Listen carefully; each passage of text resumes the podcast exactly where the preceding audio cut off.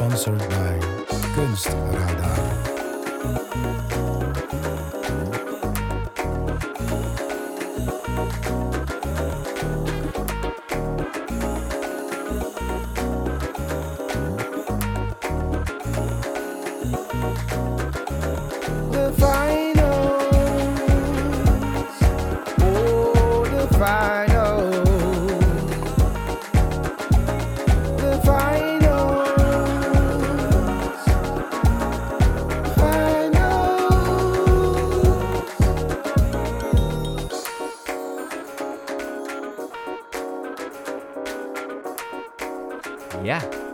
Dankjewel, Henning en Eddy. dankjewel Henning en Eddy. en welkom bij de zoveelste, negende volgens mij alweer. Uh, We hebben er flink wat gehad. Ja, In ieder geval, Finals Podcast, eh, waarin we alle eindexamenkandidaten eh interviewen. En vandaag hebben wij te gast Zoe en Elisa. Hartstikke bedankt dat jullie hier zijn. Zo op de late woensdagavond. Ja, welke dag was het ook weer, hè, Sean? Ja, het is moeilijk. Het gaat allemaal in elkaar over tegenwoordig. Het wordt herfst, dus dan lijken alle dagen op elkaar. Ehm, ja, hartstikke bedankt eh, voor jullie komst. Elisa komt vandaag helemaal uit Utrecht, Ja, volgens mij. klopt. Dus daarom nog eens extra bedankt eh, dat je hier bent. Normaal zou je zeggen van, nou, laten we het gesprek beginnen met het hebben over de voorwerpen. Maar dat gaan we nog even niet doen. Oké. Verrassing. Ja, Spannend. precies. Nee, waar we mee willen beginnen is eigenlijk ehm, hoe jullie werk zich heeft ontwikkeld door de vier jaren heen. Oeh. Dus eh, we gaan maar gewoon beginnen waar het allemaal begon. En dat is het eerste jaar. Dus eh, Elisa, Elisa, hallo. weet je nog een beetje wat voor een werk jij maakte in de eerste? Eh, ik heb het eerste niet gedaan hier op de academie. Ah, Oh. in de tweede ingestroomd. Klopt. Wat deed je daarvoor dan? Eh, ik ben de opleiding begonnen in Spanje. Ik heb eh, twee jaar gestudeerd in Spanje en dan één jaartje in Polen. En dan ben ik hierheen gekomen. Mhm. En toen deed ik vooral ehm, eh, techniek oefenen. Dus beeldhouden, schilderen, fotografie. Nou, Eh, basically ja. wat wij ook in de eerste doen hier, toch? Ja, Ja. ja, maar dan verspreid over tijd van drie jaar. Wat besloot Ja. jou precies om eh, naar Nederland? Wat deed jou besluiten om naar Nederland te komen uiteindelijk? Ehm, de, de opleiding en ehm, eh, de economie van Spanje is niet zo heel lekker eh, altijd. En ik eh, wil een kunstenaar zijn. Ik ben een kunstenaar. Daar gaan we, gaan we helemaal voor. En dat, ehm, dat kan niet echt in Spanje. Ja, precies. Want toen jij hier in de tweede kwam instromen, toen had je al die techniek had je onder je riem eigenlijk. Daar kwam je mee aanzetten. Wat heb je dan voor werk in de tweede gemaakt? In de tweede. ehm, nou, toen ging ik eigenlijk voor het eerst eh, werk maken als. eh, toen werd ik gechallenged om als kunstenaar te denken en werk te maken als kunstenaar zelf. In de plaats van oefeningen uitvoeren.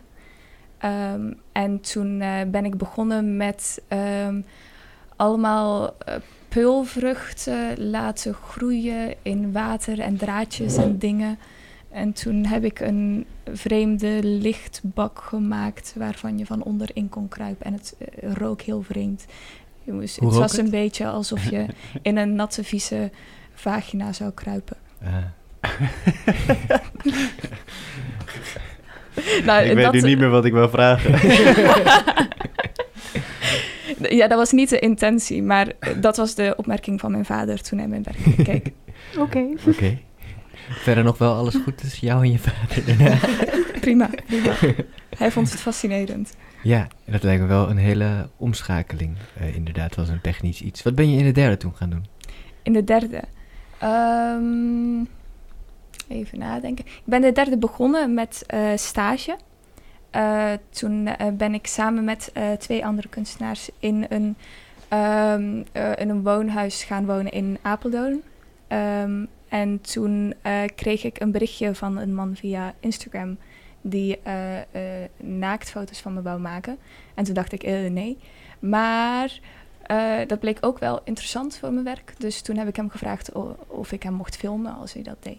En toen hebben we dat gedaan. En eh, dat is nu nog steeds materiaal die ik nu voor mijn finals ga gebruiken. Dus eh, Ja. Want eh, als dat goed voor jouw werk was en interessant voor jouw werk, Ja. wat voor onderwerpen vind je daar interessant aan? Op het moment ehm, eh, was ik gefascineerd door ehm, eh, dynamieken of interacties die wat, ehm, wat problematisch, wat frictie hadden. ehm, waarin eh, seksualiteit en eh, gender en intimiteit een belangrijke rol in speelden. Dat was mijn uitgangspunt. En dat heb ik nu eh, verder gaan ontwikkelen naar een, meer doordachte research van wat het betekent om vrouw te zijn, wat de figuur van vrouw is. Ja. Misschien een hele foute vraag die ik nu ga stellen, maar had je vader dan een beetje gelijk bij het eerste werk? Eh, ja, nee, dat, eh, ik eh, zei het ook nu, omdat eh, ik het grappig vond dat het op dat moment helemaal geen intentie was. en nu toch wel eh, relevant blijkt. nee, ja. Want eh, op dat moment geen intentie. Was je nog niet specifiek met eh, de frictie in die verhoudingen bezig in het, in het tweede jaar? Nee, nee. Ehm, nee, ik had geen idee wat ik aan het doen was toen. Ik was geïnteresseerd. Ik wou eigenlijk een ehm, ding maken wat levend zou zijn, omdat het een, een lichaam zou zijn die geen lichaam is. Door een doos te maken met plastic die zou reageren op beweging eromheen. En waar je ook in zou kunnen en dat van binnen eh, nat en levend zou zijn. Ehm, dus eh, lichamelijkheid en ja, dat, dat was wel relevant, maar ik was niet heel bewust van wat ik aan het doen was. En hoe is dat zo eh, veranderd? Wanneer, wanneer is dat zo, die omschakeling? Ik eh, had een video gemaakt voor, een, eh, voor het project van het tweede semester in de tweede, waarin ik een ehm, opname maakte van mijn familie en mij aan tafel die ontbijt aten.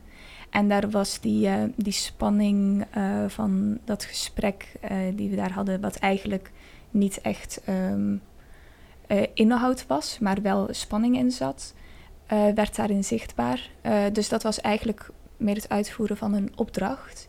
Maar toen realiseerde ik mij dat ehm, het, het eh, performen van, van die situaties, dus mezelf in die situaties zetten en dan te gaan ontdekken wat daar aan de hand was, wat die frictie was, dat, dat was wat ik interessant vond.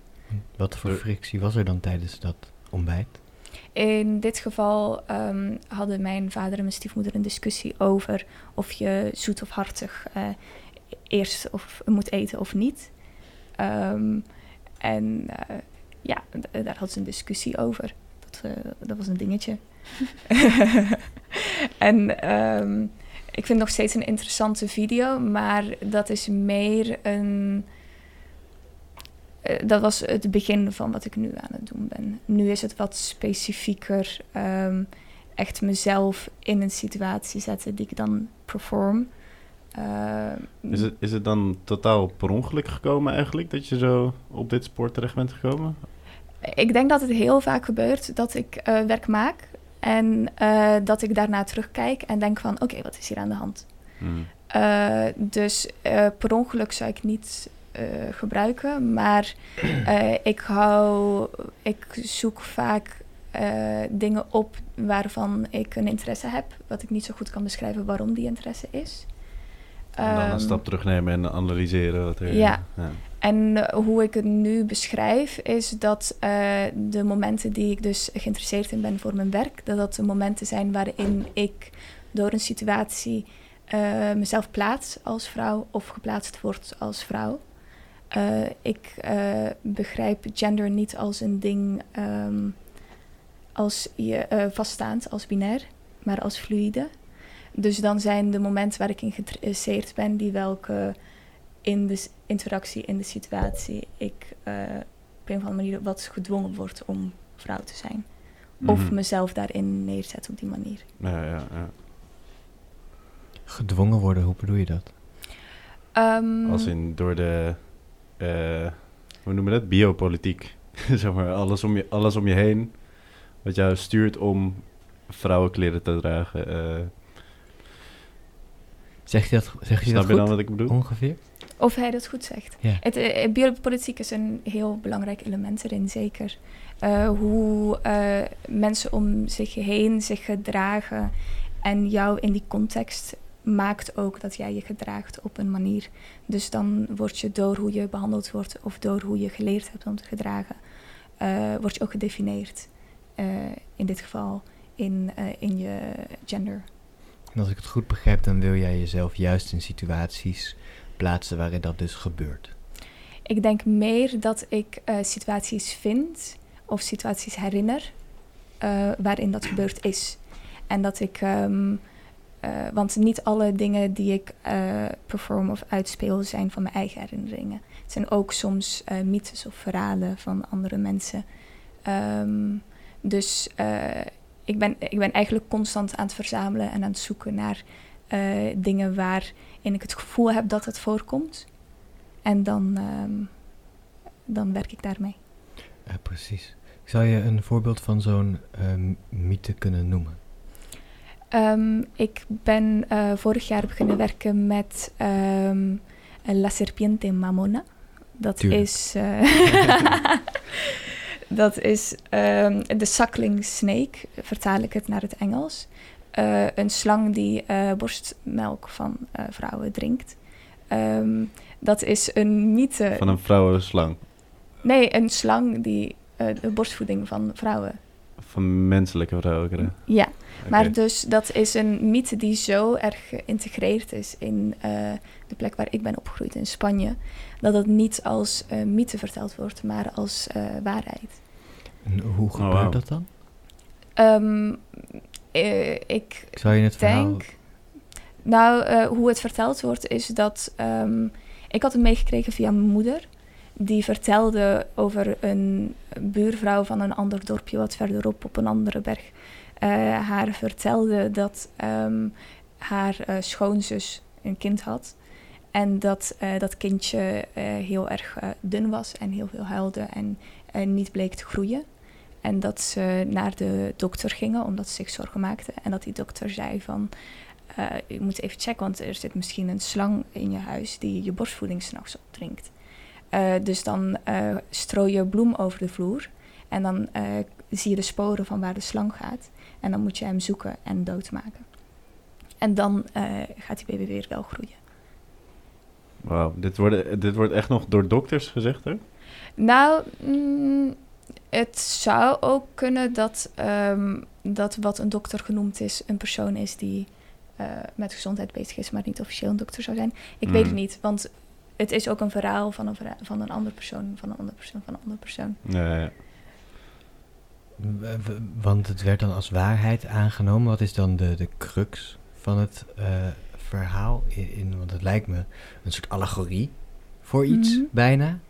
Wat zou ik daaruit kunnen halen uit dit verhaal?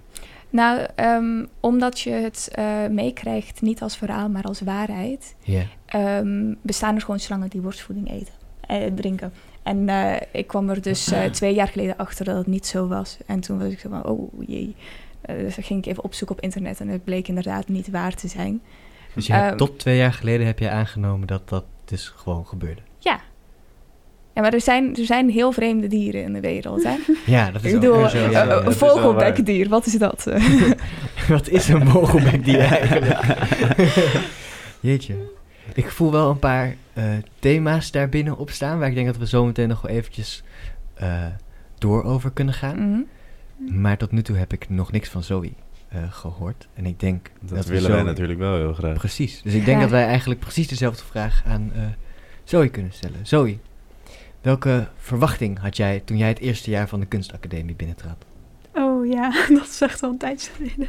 Maar ja, de, de- welke verwachting had ik? Had eigenlijk helemaal niet zoveel verwachtingen. Behalve dat het best wel een omslag in mijn leven zou zijn. Van ineens hele andere mensen die heel open staan voor van alles en nog wat. En heel, ja, ook net als ik heel erg ehm, gek durven te doen. En eh, ja, anders durven te zijn. Dus ehm, ja, voor mij was het eh, ja, ook een beetje thuiskomen. En eh, toen ik in ja, het eerste jaar begon, had ik voor mezelf al gezet van oké, ik ga allemaal, weet je wel, grenzen die ik mezelf niet heb gesteld, ga ik gewoon opgeven. En ik, ehm, ik doe gewoon wat, wat op dat moment nodig is, wat nodig voelt. Ehm, dus ja, eh, zodoende was, ja, probeerde ik ook gewoon zo zonder schaamte te beginnen. Mhm. Dus de, Is dat ook gelukt? Ja, nou ja, ja. Ik heb denk ik wel een beetje een statement gemaakt tijdens de eerste les eh, van, van de school. Vertel, vertel, vertel. Dat was de 3D-les en toen moesten we maskers maken. En toen heb ik... eh, toen ben ik naakt voor de klas gaan staan. En had ik allemaal met aarde had ik een masker van, met energiebanen en zo getekend. Omdat ik juist tegen het idee van maskers was. En Mhm. eh, Dat is inderdaad wel een stevig statement, ja. meteen een beetje al eh, in eh, protest. Ik, ik kan mij ook een filmpje herinneren. Niet dat ik hem heb gezien, maar ik heb hier verhalen over gehoord. Dat jij met jouw knokkel tegen de muur bent gaan aanslaan. In Ja. een video.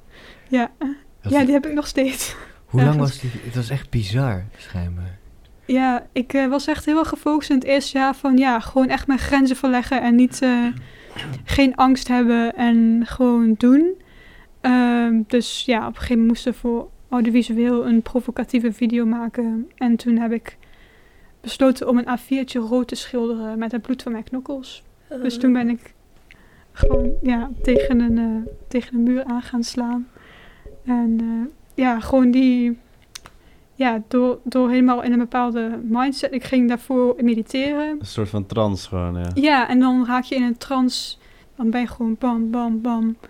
En eh, ja, ik kan me herinneren dat, dat een paar klasgenoten aan de andere kant van de muur in hun atelier zaten. En die dachten van, wat is dit voor geluid? En dat ze in het begin kwam mij kijken van, oh mijn god, Zoe, wat ben je aan het doen? Toen konden ze niet meer verder werken door dat geluid. Want omdat ze dus wisten dat ik mij aan het pijnigen was. Maar ja... Je, je bent daarna nog wel gewoon doorgegaan. Ja, ik ben gewoon was nog niet doorgegaan. Ik was nog niet klaar. Nee, het papiertje was nog niet helemaal goed. Nee, eh, Het maar- ging er echt om dat het hele A4'tje rood zou worden. Ja, Is dat gelukt? ja, ik heb dat A4'tje nog steeds. Ik heb al mijn dummies... eh, ik heb een grote dummy-collectie eh, thuis. En die is nu helemaal hard en eh, korstig eh, geworden. Of eh, hoe ziet dat Ja, eruit? ik had... Oh, dat papiertje. Ja, ja, ja. Je knokkels weet ik hoe ze helen. Ja, die hele... Eh, ja, papiertje is nog steeds eh, ja, donkerrood. Gevlekt. Ja. Jeetje. Want ik wilde het erbij halen, omdat ik dat werk en wat er toen gebeurde, dat vind ik bijna zo... Ik zit met Zoe in de tutorgroep natuurlijk. En eh, de mate van discipline die zij iedere, iedere keer maar te kennen geeft, dan zie ik dat filmpje en dan denk ik, ja, vind je het gek? Weet je wel, als je dat kan doen, dat vind ik zo'n typerend beeld voor wie jij eh, bent als persoon. Ja, dat vind ik eh, echt. Maar dan vraag ik me af, wat, Getuigt zeker van doorzettingsvermogen. Ja. Ja, en in, in de tweede, wat ben je toen gaan maken? Ja, ehm, ik denk dat dat doorzettingsvermogen en mezelf die grenzen, mijn eigen grenzen opzoeken en dat dat zeker altijd wel in mij is gebleven en mezelf blijven uitdagen. Dus in de tweede, toen besefte ik van oké, ik kom nu, weet je wel, eerst ja, is echt super intens met allemaal vakken. En tweede word je een beetje in het diepe gegooid van oké, je moet zelf maar motivatie gaan vinden om uit je bed te komen. Dus ik dacht van, ja, nou, ik heb eigenlijk nog wel... Ik moet mezelf blijven uitdagen. Dus toen ben ik eh, meteen begin van de tweede een permacultuuropleiding begonnen.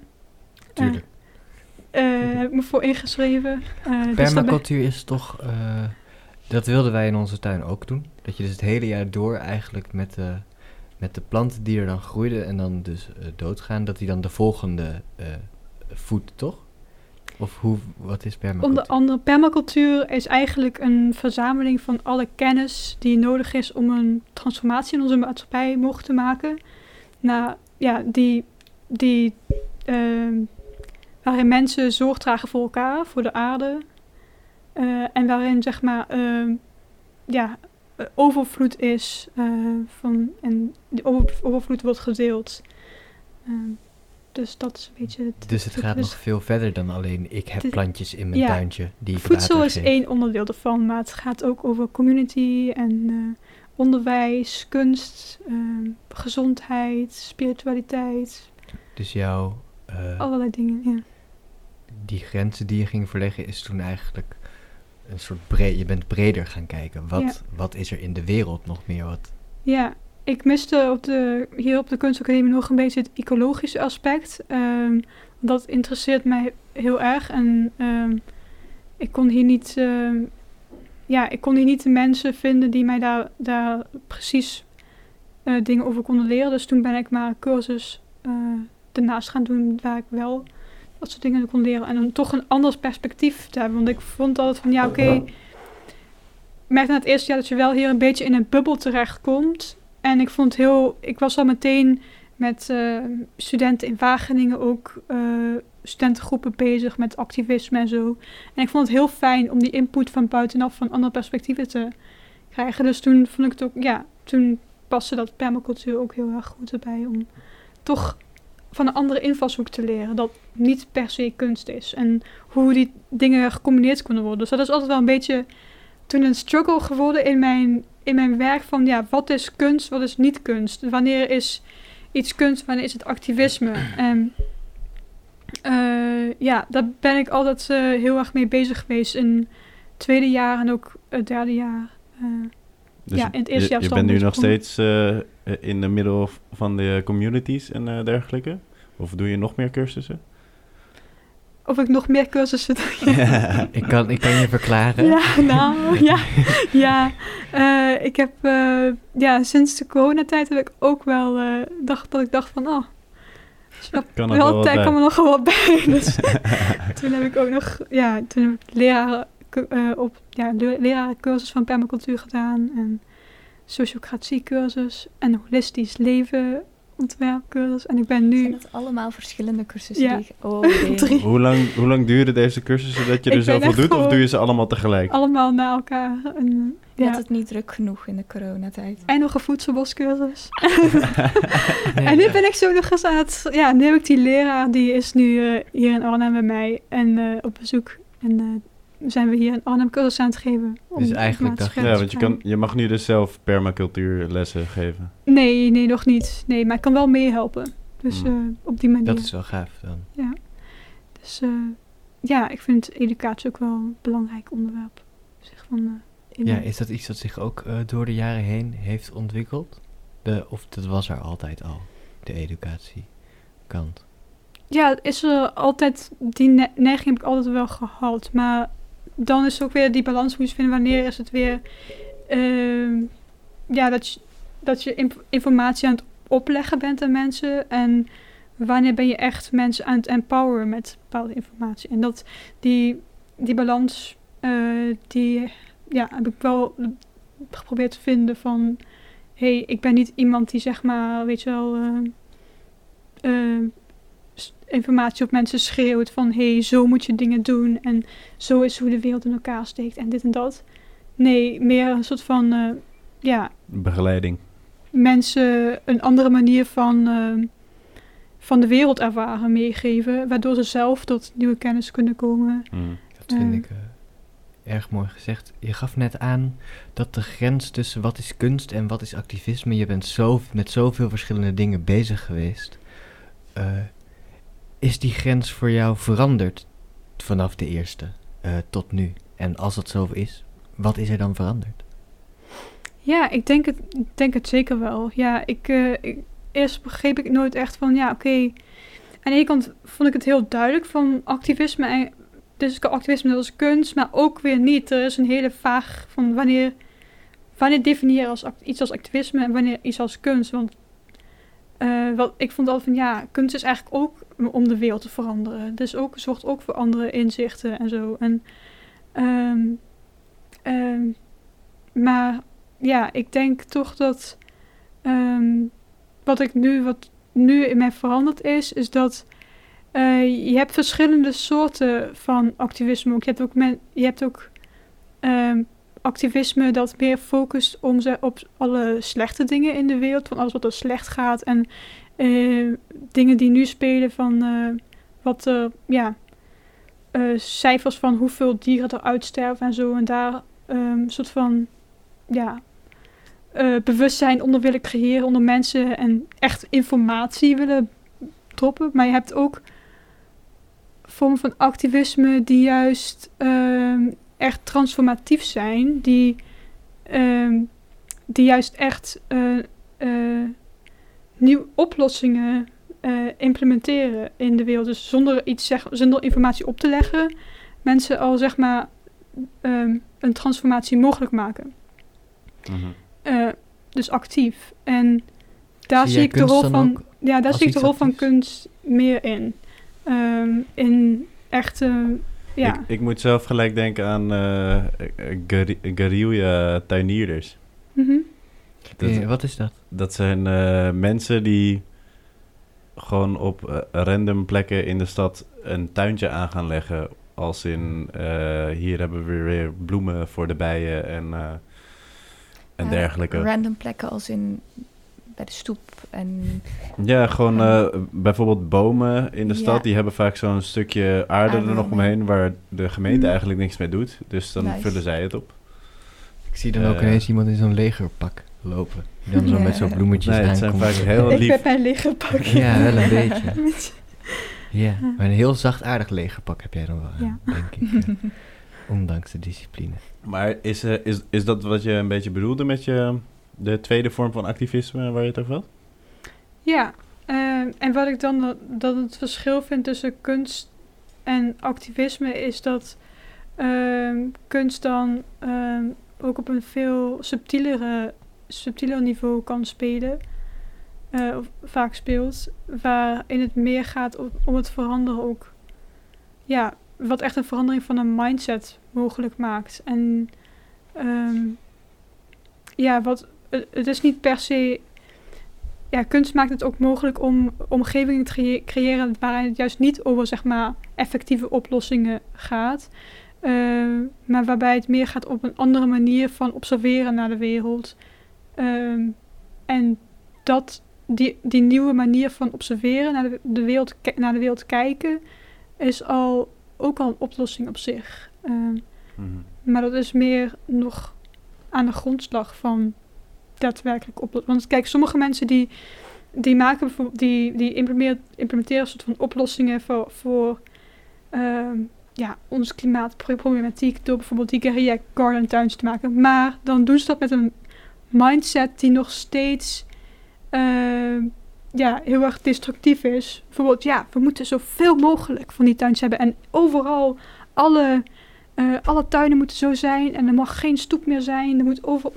Maar op het moment dat je eh, op die, die insteek gaat denken, dan ga je heel erg generaliseren. En dan ehm, ga je juist niet met aandacht echt naar wat een, kijken wat een plek echt nodig hebt. Maar dan ga je weer alles ehm, als een soort van eh, product in een kapita- kapitalistisch systeem product proberen te eh, verkopen. Mhm. En Het lijkt een jij- beetje alsof ehm, eh, activisme een doel en een ehm, soort van resultaat moet hebben. En omdat kunst dat niet hoeft te hebben, Mhm. dat kunst geen nut hoeft te hebben, dat je daar ook in die intersectie de mogelijkheid hebt om wat meer, wat meer grijs gebied te zoeken.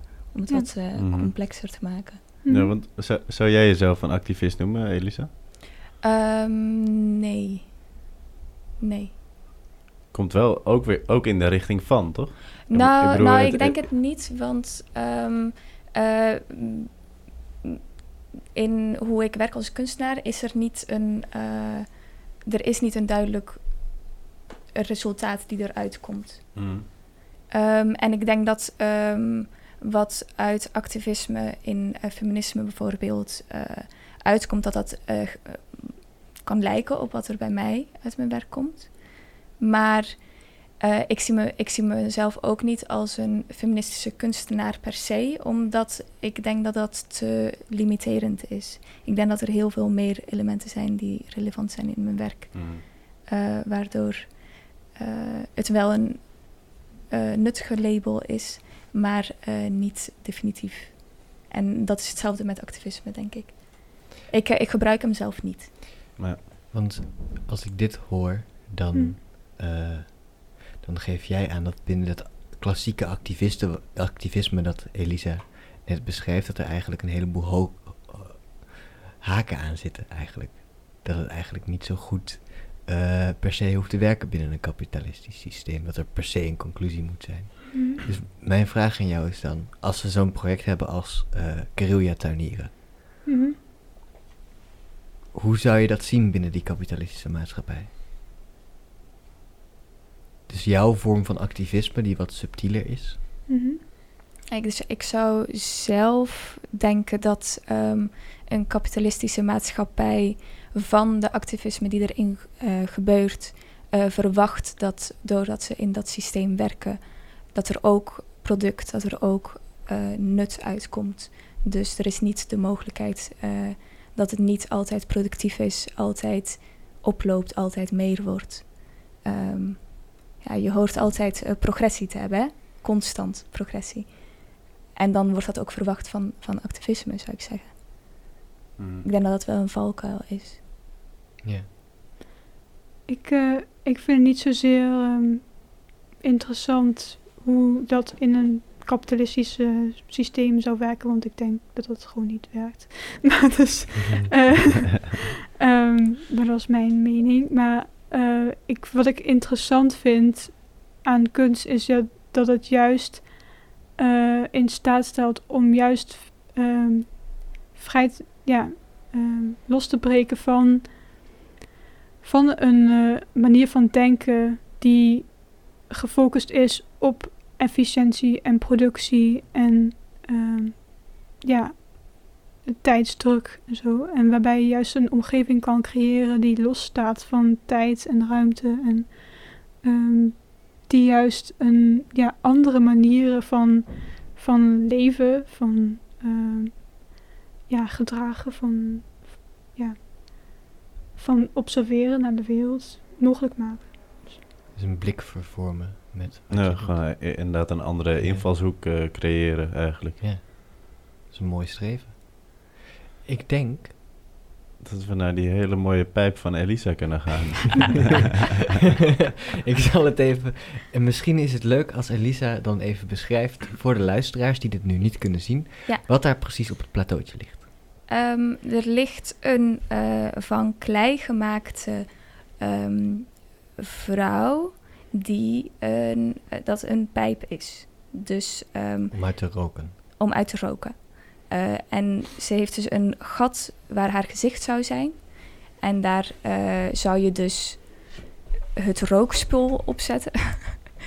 en Ja, dan kan je van waar haar vagina zou zijn, kan je dus inademen en roken. Doe even voor hoe je dat eh, zou doen, eh Jean.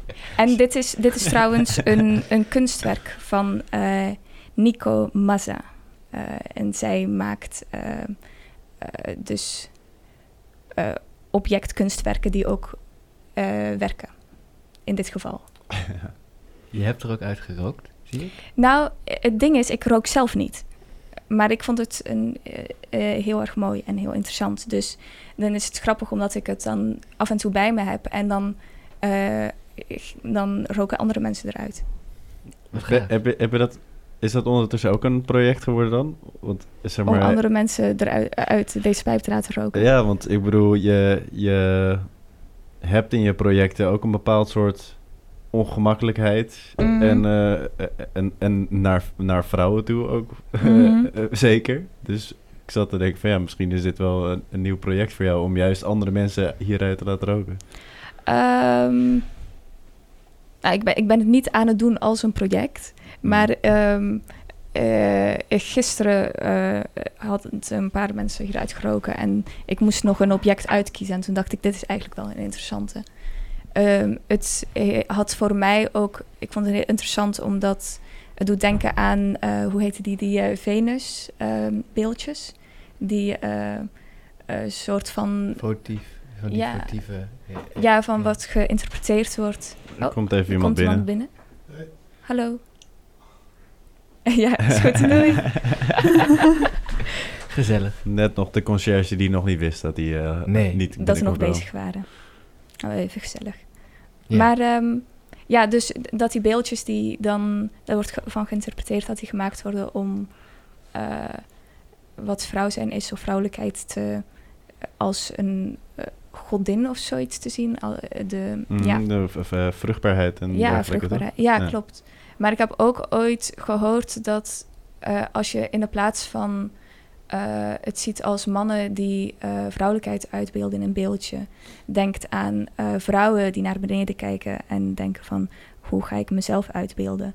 Dat die anatomie, die, de manier waarop ze gebouwd zijn, dat dat ook een mogelijkheid zou zijn. En ik weet niet of dat waar is of niet, maar het geeft wel zo'n beeld van ehm, hoe veronderstel je van wie veronderstel je dat objecten gemaakt hebben en eh, dat een vrouw dan ook eh, zelf agency kan hebben over hun lichaam en over het uitbeelden van eh, vrouwelijkheid.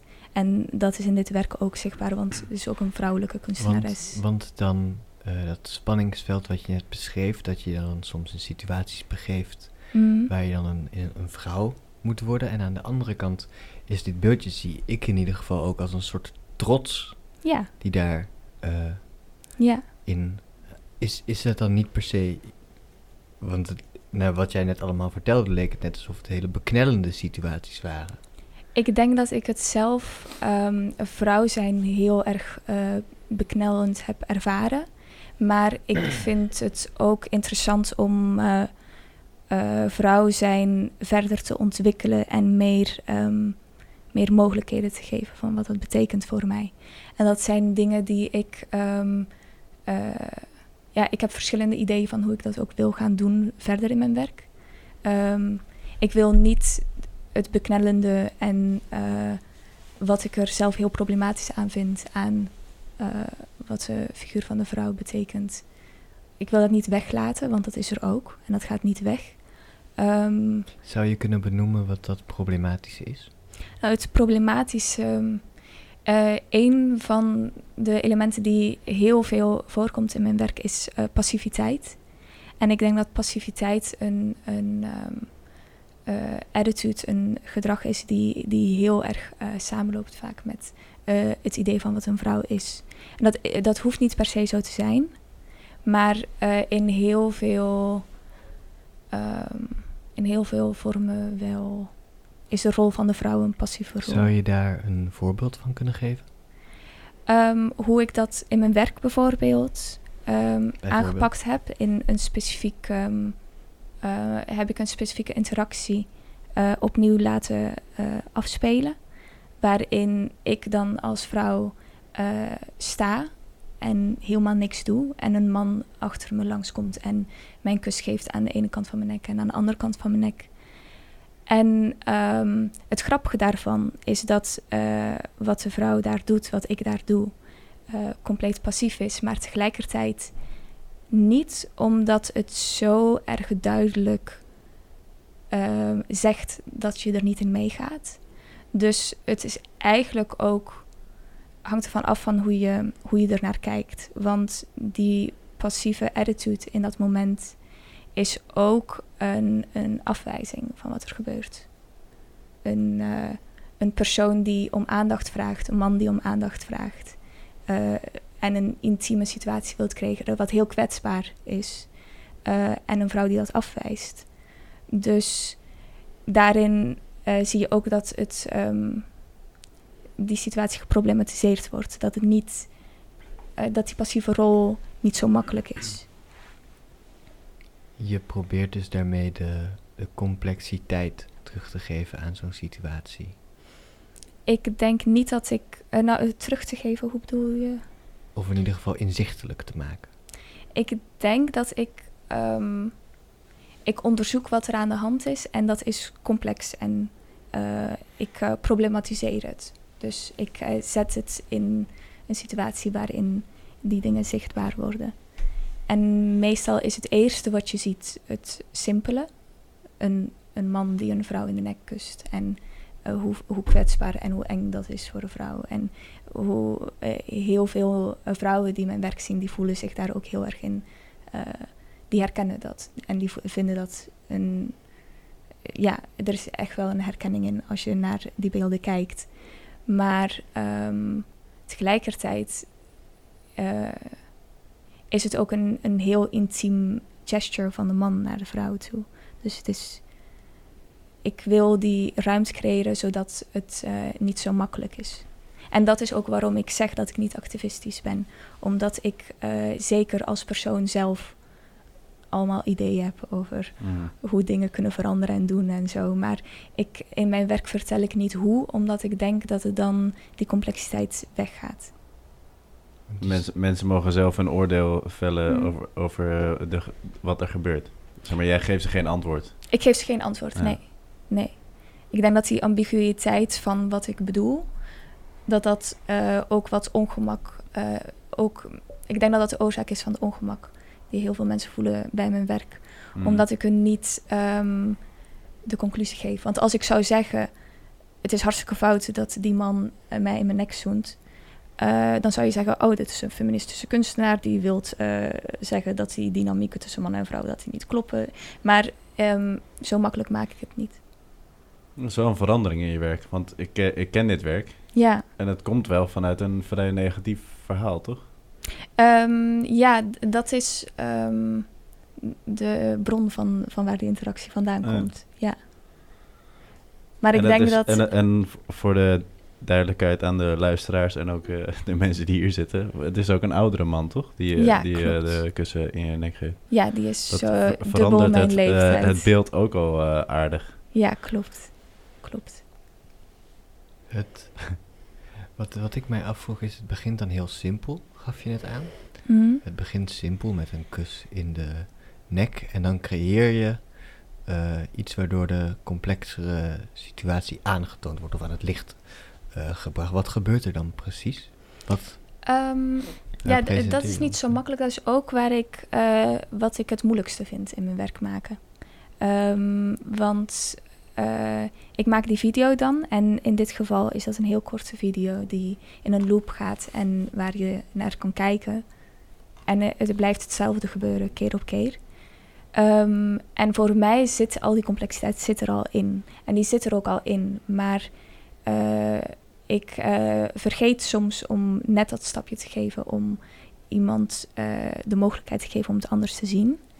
En ehm, ik ben dus eh, dit jaar begonnen met schrijven ook. Eh, dus ik ga in de finals eh, waarschijnlijk dit werk laten zien. En dan zijn er ook verschillende teksten die op eh, papier op de muur eh, hangen. Ehm, die net die, die nuance wat moeilijker maken. Ehm, een van de teksten is. ehm, eh, wacht even uit mijn hoofd. I skimmed over her neck with my mouth. Of I skimmed over the skin of her neck with my mouth. Dus dan krijg je gelijk eh, de- perspectief van, van de man, van de actie die hij uitvoert. En ehm, kan het heel poëtisch geïnterpreteerd worden. Denk je ineens van, oh, is het toch, ehm, Ja. is het toch mooi? Het wordt opeens een soort eh, Fifty Shades of Grey dan. Zo. I skimmed over the skin of her neck with my mouth. Het, lijkt bijna een soort steriel. In een bijna droomwereld plaats. Nee, het is sensueel. Ehm, alsof, Ja. alsof, alsof de man het inderdaad doet om haar te verleiden. Ja, maar de, de, de, En dat zij het oké vindt. Zo. de, de handeling van de kus, die kan op vele manieren beschreven worden. En om, om deze uiterst specifieke eh, woorden te gebruiken, daarin zit denk ik wel, misschien is het helemaal geen vraag, maar zit denk ik wel de mate van, want om dat te zeggen als man is ook vrij kwetsbaar. Ja, dat gedeelte vind ik eigenlijk het interessantste. Dat het vanuit de man wordt gezegd. Ja, het is ehm, eh, vanuit mijn eigen herinnering, die de bron is van, van deze handeling, ehm, zijn er heel veel details die ik me niet herinner of die ik niet zag. En dit is eigenlijk een soort van een speculatieve onderzoek naar wat het zou zijn om het vanuit een ander perspectief te ervaren. Hmm. Eh, mijn streven om het op een andere manier te proberen begrijpen. Is het dan ook verwerking voor jou? Als je, Voor mij persoonlijk. ja, als ik, eh, zo klinkt het nu. Het is, het is sowieso, ehm, heeft het wel, eh, eh, ja, maat van verwerking. Ja. ja, zeker. Het heeft toch weer te maken, denk ik. Nou, in ieder geval, ik zie een link. Met de blik proberen te veranderen. Dat je ergens een situatie hebt die op een manier is. En enkel door er anders naar te kijken, wordt het iets anders. Ja, de shiften. Ja. Hm. Eh, ik vind het heel mooi. Ik- voordat we naar Zoe doorgaan, zou ik. eh, want je had het net over performance. En ik hoorde mail op de grond. En slangen. En mythes. En verhalen van anderen. En een video. En allemaal zeer interessante dingen waar ik denk dat we nog minimaal vijf uur over zouden kunnen praten. Mhm. Maar. Zou jij misschien kunnen vertellen, een tipje van de sluier oplichten wat de mensen van jou nog meer kunnen zien bij de finals? Nog meer kunnen zien bij mijn finals. of Ehm, wat ze kunnen in, zien? mijn, in mijn finals ga ik eh, videowerk laten zien. Eh, ga ik eh, tekst laten zien. En een audio-installatie. Dus dat wordt een, een hele ruimte die dus een installatie is waarin de main focus een audiofragment is. Een verhaal die verteld wordt. Ehm, eh, er is niet een vast medium dat ik gebruik. Ehm, dat is niet altijd zo makkelijk hoe ik dat, ehm, hoe ik dat aanpak. Dat, dat vind ik lastig. Eh, ik, zie, ik zie zelf de basis van mijn werk als ehm, research. Het is research, het is performatief. En ik gebruik meestal video of audio als een medium om dat eh, zichtbaar te maken. Maar niet altijd. Ik denk dat eh, de mensen zeer benieuwd hebt gemaakt naar wat ze allemaal kunnen zien. Dat denk ik ook zeker. Alles wordt beter met geluidseffecten. Dankjewel, Elisa. Ehm, Geluidseffecten? nee? Dankjewel, dat was heel mooi. ehm, Zoe, je hebt natuurlijk Ja, ook iets zo. meegenomen. Ja. Ik herken het gelijk als een, als, eh, Een eetbaar organisme. een eetbaar organisme. Maar, maar door, Een door, deel van een organisme. door de geschiedenis die ik met het voorwerp heb meegemaakt, zie ik het ook meteen als een bord. Ah, ja. Misschien verklap ik daar nu te veel. Oh, Mhm. Ehm, Elisa, zou jij willen beschrijven wat we van Zoe zien? Eh, we zien, ik zie een eh, blad. Eh, toen Zoe binnenkwam lopen, zei ik sla. En toen zei Zoe, nee, het is kool. Dus het is een blad van, het is een koolblad. En toch sloeg ze je ermee. ja. Dus het was wel slag. oh jee, oh jee. Oh nee. Ehm, Dit vind ik heel slecht. ja, ja dat, was, dat was niet best. Min 10 punten. Maar goed, ga verder. Ja, ja het is een, het is een eh, koolblad en het, hij is groot. Je zou met beide palmen op kunnen pakken. Eh, en hij is een, een klein beetje verdrietig. Een beetje... Hij is niet net van zijn kool afgepakt. Afgepakt. Zoe, waarom heb je dit voorwerp meegenomen? Ja, dit is eh, een voorwerp eh, wat ook aanwezig zijn, zal zijn tijdens de finals. Ehm, wat ehm, een beetje een rode draad zal zijn tussen al mijn werken in de, in de finals. Ehm, het is inderdaad een koolblad. En het is ook een bord. En ehm, ja, dit is eh, waar ik, waarin ik mijn werk eh, onder andere zal gaan eh, presenteren. Wat, ehm, ja, ik, wat Dus op ik, de sokkel ligt momenteel eigenlijk nog een presentatiesokkel. ja, Daar komt het op neer. ja, precies. ja, Want als jij zegt, daar ga ik mijn werk op presenteren. mhm, eh, ik kan mij herinneren dat ik een maand geleden, zoiets, eh, van jou, jij had een, een hele bak vol potjes, kan ik mij herinneren, met allerlei etenswaren mhm. eh, daarin. Heeft dat ook betrekking tot wat je bij de finals zou gaan laten zien? ja, zeker.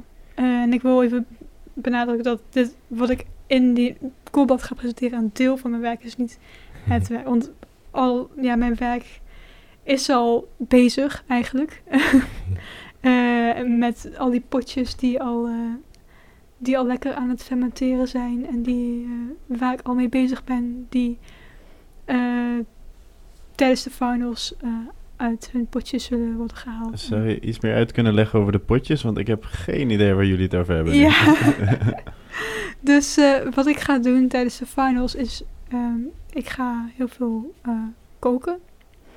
eh, voor mijn klasgenoten. Ehm, Wij blij. Wij zijn geen klasgenoten. Oh ja. Eh, Ehm, ja, wat mijn werk inhoudt, is dat ik heel veel contacten aan het eh, maken ben met veel lokale ehm, initiatieven, stadslandbouwinitiatieven, ehm, parken, eh, tuinen, ehm, ja, plekken waarin ik voedsel kan eh, ja, verzamelen om in mijn levensonderhoud te voorzien.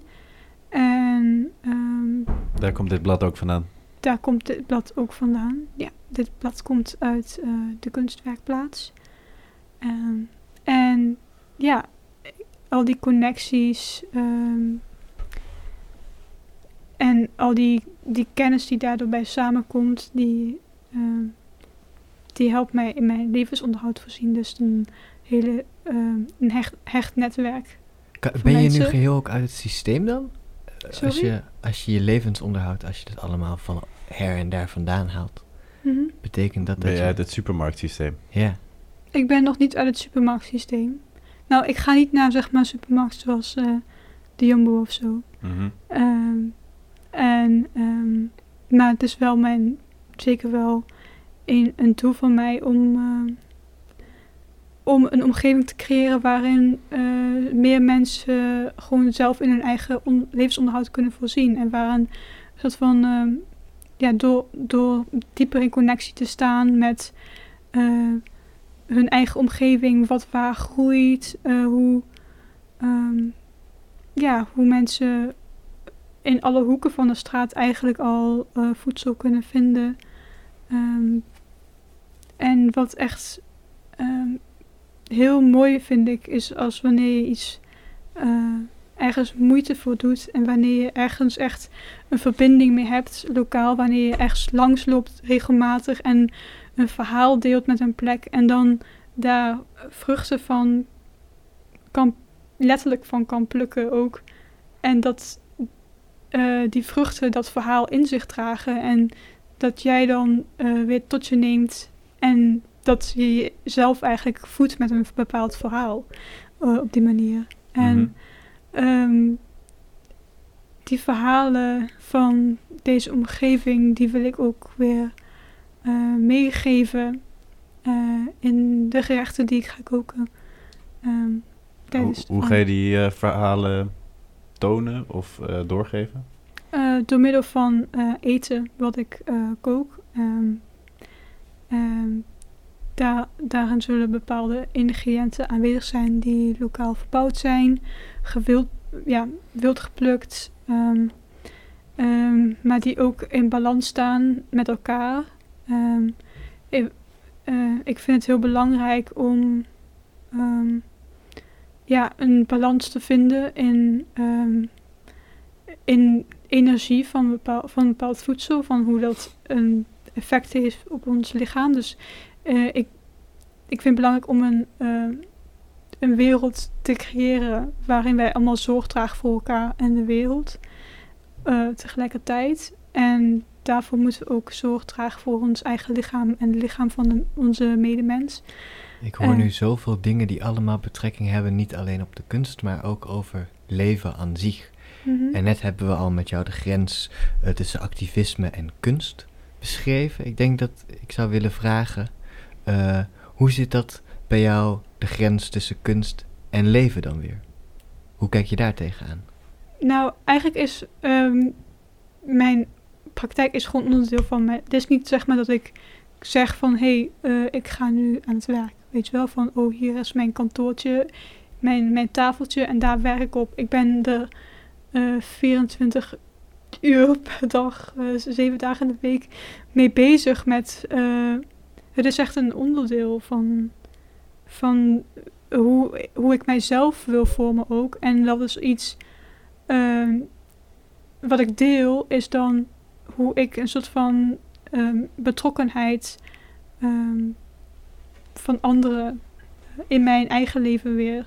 Mhm. ehm, Zijn, er, zijn er meer mensen die op deze manier, eh, hoe noemen we dat? De kunst bedrijven, zeg maar?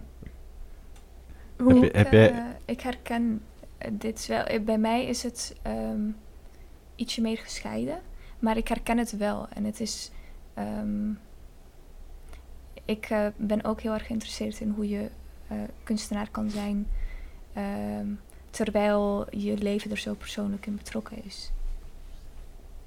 Ik zag laatst een. eh, ik denk dat ik het ook, ook een verhaal vertellen. Ehm, ik ga een verhaal vertellen. ik zag laatst een eh, video waarbij twee jongens eh, zochten een of andere Japanse jazzlegende op in een café in the middle of Tokyo. Echt zo'n zijstraatje, zijstraatje, zijstraatje, kleine ruimte, helemaal vol met rook. Zo zie ik het dan in ieder geval voor me. En daar gingen ze met hem praten over jazz. En die man die begon te vertellen, ja, altijd als college students naar mij toe komen, dan beginnen zij over analyse, dan beginnen zij over welke structuren er in jazz zitten, maar ze leven niet de jazz manier. Ze leven niet het jazz leven. Mhm. Ik, ik denk dat mijn vraag ook wel een beetje verkeerd eh, aankwam. Maar daar kan ik me daar kan ik me wel heel erg in vinden. Want ik heb me altijd heel erg veel met activisme bijvoorbeeld bezig gehou- gehouden. En ik kan nu zeggen, ik, ik denk dat, het nu, dat ik nu net zoals Elisa meer ben van dat ik mijn werk niet zozeer eh, als activisme beschouw zoals ik dat op een manier zoals ik dat eerst deed. Ehm, omdat ehm, ja, het nu gewoon eh, ja, ook zeg maar niet, eh, niet echt direct naar oplossingen, ehm, ja, oplossingen en antwoorden naar mensen toewerpt, maar meer een, een soort van ervaring geeft. En het gaat bij mij dus ook nu om van hoe maak ik mij dat gedachtegoed eigen. En, ehm, want ik ben wel zeg maar heel idealistisch en ik heb wel een soort van wereldbeeld in mijn hoofd wat, wat mij hoop, hoop geeft. Eh, een soort van ja, transformatie in de mindset van mensen, wel, ja, waarin we allemaal zorg voor elkaar dragen.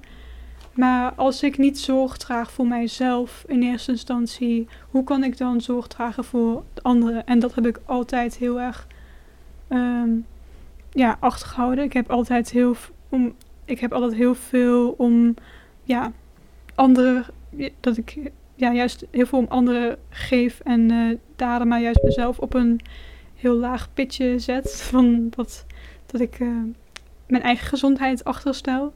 Terwijl het echt heel erg, ehm, ja, Je gaat nu wel zelf mee eten, toch? Neem ik aan, bij de finals. Niet dat je jezelf eh, achterwege laat. inderdaad. zeker, zeker. Wat, eh, wat ga je nog meer laten zien bij de finals? Nou, wat ik, wat ik dus ga laten zien is niet echt zozeer zichtbaar voor het breed publiek. Want ik heb ervoor gekozen om mijn werk, mijn performance, waar ik dus dat eten, ehm, ja, een stilte lunch ga maken voor eh, mijn klasgenoten. Dat is Hoe alleen maar. Ik ga een stilte lunch Mhm. voor mijn klasgenoten ehm, ja, organiseren. En eh, dat is ja, voornamelijk eh, geri- gericht naar mijn klasgenoten. Dus ik heb als be- bewust als publiek mijn klasgenoten uitgekozen. En eh, het enige wat het publiek kan zien is wat er overgebleven is. Mhm. Ehm, Is, het, is het woord stilte dan ook eh, bedoeld als in het is niet zichtbaar voor het publiek? Of is het ook een soort van tegelijkertijd een soort van stilte-therapie tijdens de lunch of zoiets? Dat niemand iets mag zeggen. nou, er is ook echt in stil, er wordt in stilte gegeten. Hm. Om echt, eh, omdat ik zelf ook die rust ehm, heel erg heb kunnen vinden. Ook juist nu tijdens eh, corona eh, heb ik dat heel erg eh, kunnen waarderen. En ehm, met veel mensen gesproken die dat ook echt heel erg konden waarderen. Dat ze eindelijk rust konden vinden. En nu heb ik het gevoel dat we weer in een soort van hectiek terecht aan het komen zijn. En ik wil toch een soort van die rust eh, bewaren en implementeren. En dat is iets wat ik zelf in mijn eigen leven eh, aan, aan het eh, ja, implementeren ben. Meer rustmomenten, omdat ik zelf altijd overal bezig ben. En dat is iets wat ik anderen ook wil meegeven. Op die, in die zin. Dus het delen van, van mijn ja, Mhm. ervaring. Ja, even uit die rush van de, van de week. Corona voelt een beetje alsof we van de meditatiecursus in de rij bij de Primark zijn gaan staan. Net nadat we klaar waren daar, zeg maar. In de file gewoon überhaupt. Ja. Ik vind het zo mooi om eh, alsmaar te merken hoe scherpe geesten wij wel niet op school hebben rondlopen. Echt in ieder gesprek. Het is zo eh, prettig. En dan denk ik van, oh ja, oh ja, zo kan en, het ook. En ieder zijn vakgebied, dat vind ik Ieder ook... zijn eh, vakgebied en echt ja. Is allemaal heel uniek. Juist dat je het durft om gewoon juist te zeggen, oké, dit doe ik voor hen. En de stilte eh, lunch, even weg van alle hectiek, de hele tijd leuk moeten doen voor alle mensen die er dan Mhm. eh, komen.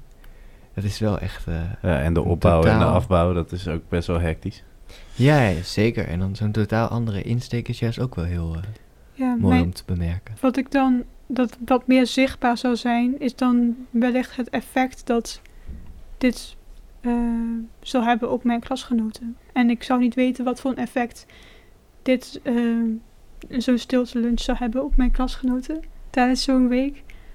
Eh, ik kan alleen maar hopen. Elisa? Maar dat is dan meer wat Bezinning. dan zichtbaar is voor het publiek. Van, ja. Wat, Ja, hoe- Wat zijn, hoe- wat zijn die mensen rustig? Ja, dan komt er zo weer weg. Wat fijn. Op die manier zou het toch nog wel een beetje bes- besproken worden daar natuurlijk. Ik denk dat we een goed beeld hebben gekregen uiteindelijk Zeker. van wat jullie eh, gaan doen bij de finals. Ik vind het ook heel mooi dat je hier nu over vertelt, want stel dat de mensen die dit luisteren komen kijken en die denken ineens, hé, hey, waar is de gigantische sculptuur van eh Zoe Martin? en dan ineens, dan is het nu dus duidelijk wat er gebeurd is. Ehm, maar ik denk dat het tijd is voor het laatste stukje. Ja, dat is het zeker. Misschien kan jij dat even uitleggen, Guillaume. Nou ja, we hebben nu het eh, verleden gehad, het heden. Dus nu komt... eh, De toekomst. Oh jee. waar zien jullie jezelf staan in... eh, zullen we dit keer doen? 27, nee, weet niet. Oh. nee, nee, nee, nee. Vijf à tien jaar? Laten we eerst, eh, laten we vijf doen. Vijf jaar. Vijf jaar.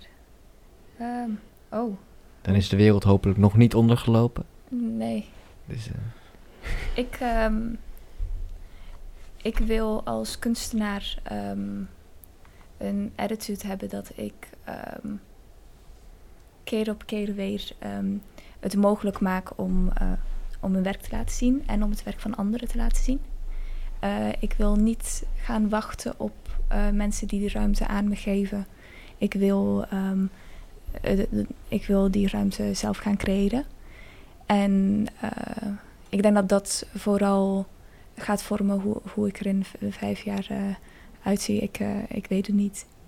Ik denk dat ik vooral eh, die attitude wil vasthouden ehm, in hoe ik ervoor ga. Maar ik heb niet echt een, een vast beeld van hoe dat eruit gaat zien. Oké. In ieder geval antipassief. Ja. Ik zie Carilja tuinieren toch iedere keer maar weer terugkomen eigenlijk.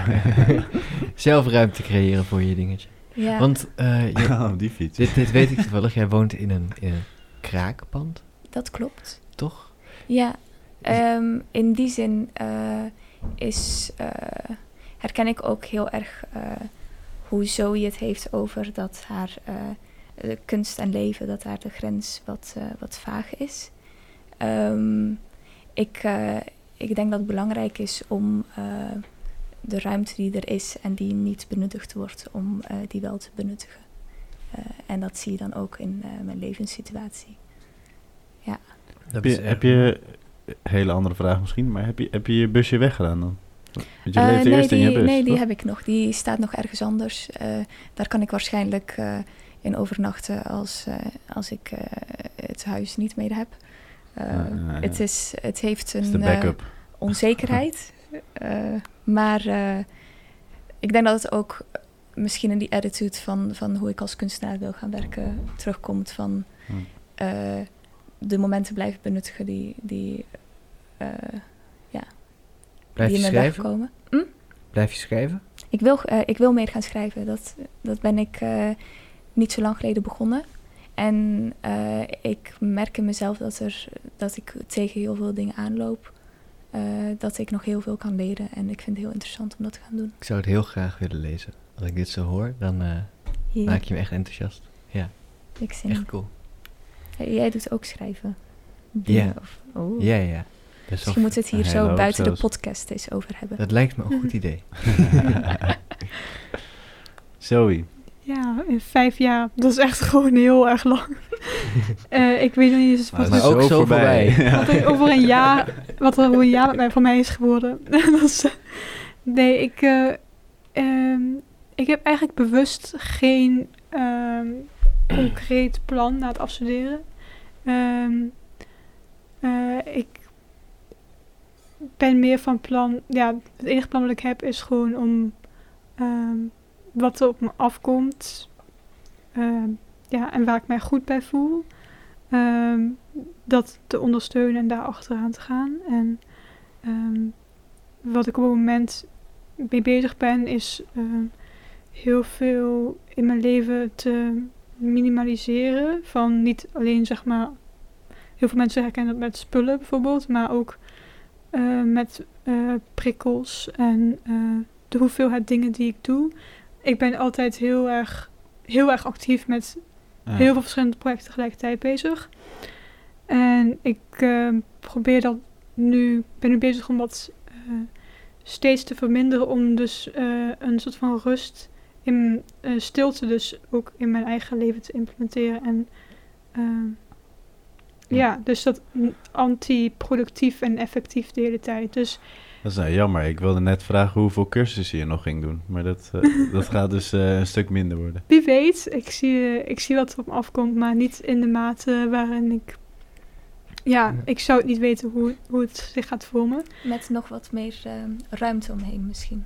Ja, maar wat ik nu ook ben aan het doen is... Ja, ik, ik weet zeker dat ik na, de, na mijn afstuderen zeker in een financieel... ehm Gat uit. serieus gat.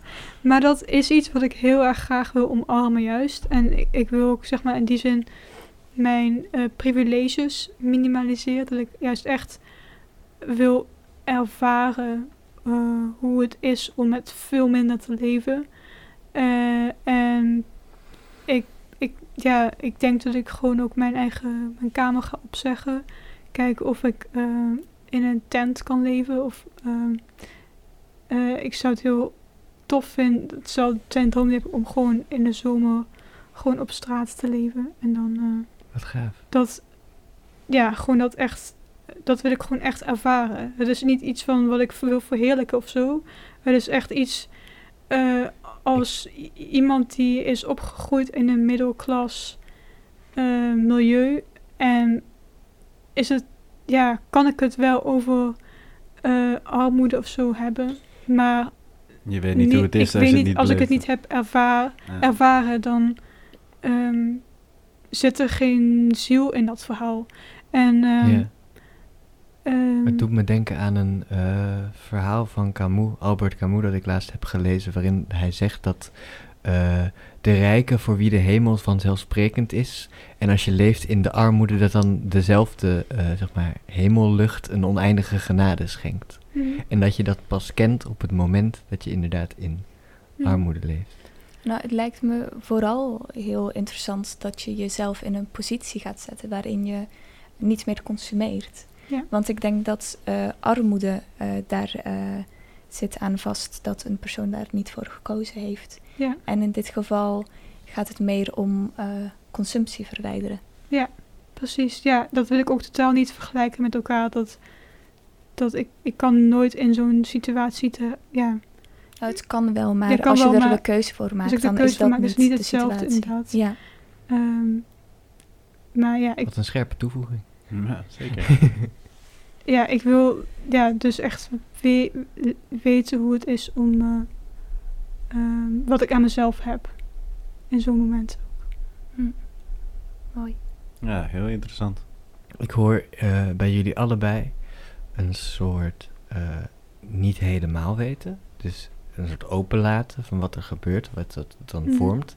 Maar ik hoor ook bij jullie allebei, denk ik, ongekende discipline, wilskracht en gewoon zeker weten dat het iets wordt. Of dat, Ja. het, dat er iets Geen- gaat gebeuren. Geen, geen doel hebben, maar wel doelgericht zijn. Dat is wel... eh, Mm, er zit beweging in, zou ik vooral zeggen. ja. Er Eh, zit ik weet niet waar het heen in. gaat. Dat is al mooi. Spartelen. Nog even het, eh, het eh, spam, eh, reclame Ik, er zijn Pluggenuurtje. hier zoveel mooie dingen gezegd vanavond dat ik echt... eh, ja, even omschakelen. We hebben nu dus alles gehad wat de, wat de mensen over jullie zouden willen kunnen weten. We zouden hier nog drie uur over door kunnen praten, denk ik zo. Maar helaas hebben we vanavond maar een uurtje.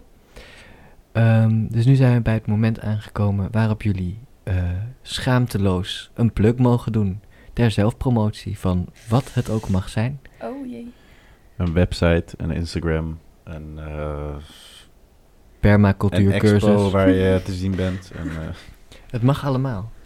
Eh, via mijn naam, Elisa Klabbers, eh, kan je mijn Instagram en website vinden. En eh, die gaan nog veranderen. Eh, ze, ze, hebben nu een vorm, ik wil mijn website sowieso veranderen. Ehm, maar eh, daar kan je mijn informatie vinden. Dus als ik ergens a- iets aan het doen ben, dan staat het daar misschien. En anders dan wil ik niet dat jullie het weten. Dus dan zie je het daar. en Zoe. Mij kun je gewoon e-mailen. Of eh, ik eh, doe niet aan de website. Ehm, ja, of je kunt me gewoon bellen. Dus eh, ja, mijn e-mail is eh zoomcj.live.nl Z-O-E-M van Maas. cj.live.nl Of je kunt me bellen. Je bent, Of dan, sms'en. je bent dan de eerste die er telefoonnummer ja, ja, het wordt heel spannend. Het trommelgeroffel. 06 45 16 56 49. Yes. Dankjewel, Zoe. Hebben we allemaal meegeschreven thuis. Ehm, ik wil jullie in ieder geval hartstikke bedanken voor jullie komst. Ja, zeker. Eh, ik vond het echt een heel fijn eh, gesprek. Ja, En ik, Dankjewel voor de podcast. Was heel gezellig. Dank yes, gelukkig. Geen Goed om te dank. horen. En eh, succes bij de finals. Succes bij de finals, inderdaad. En luisteraars, lieve luisteraars die er nu nog steeds zijn, hartstikke bedankt dat jullie er waren. En tot de volgende keer.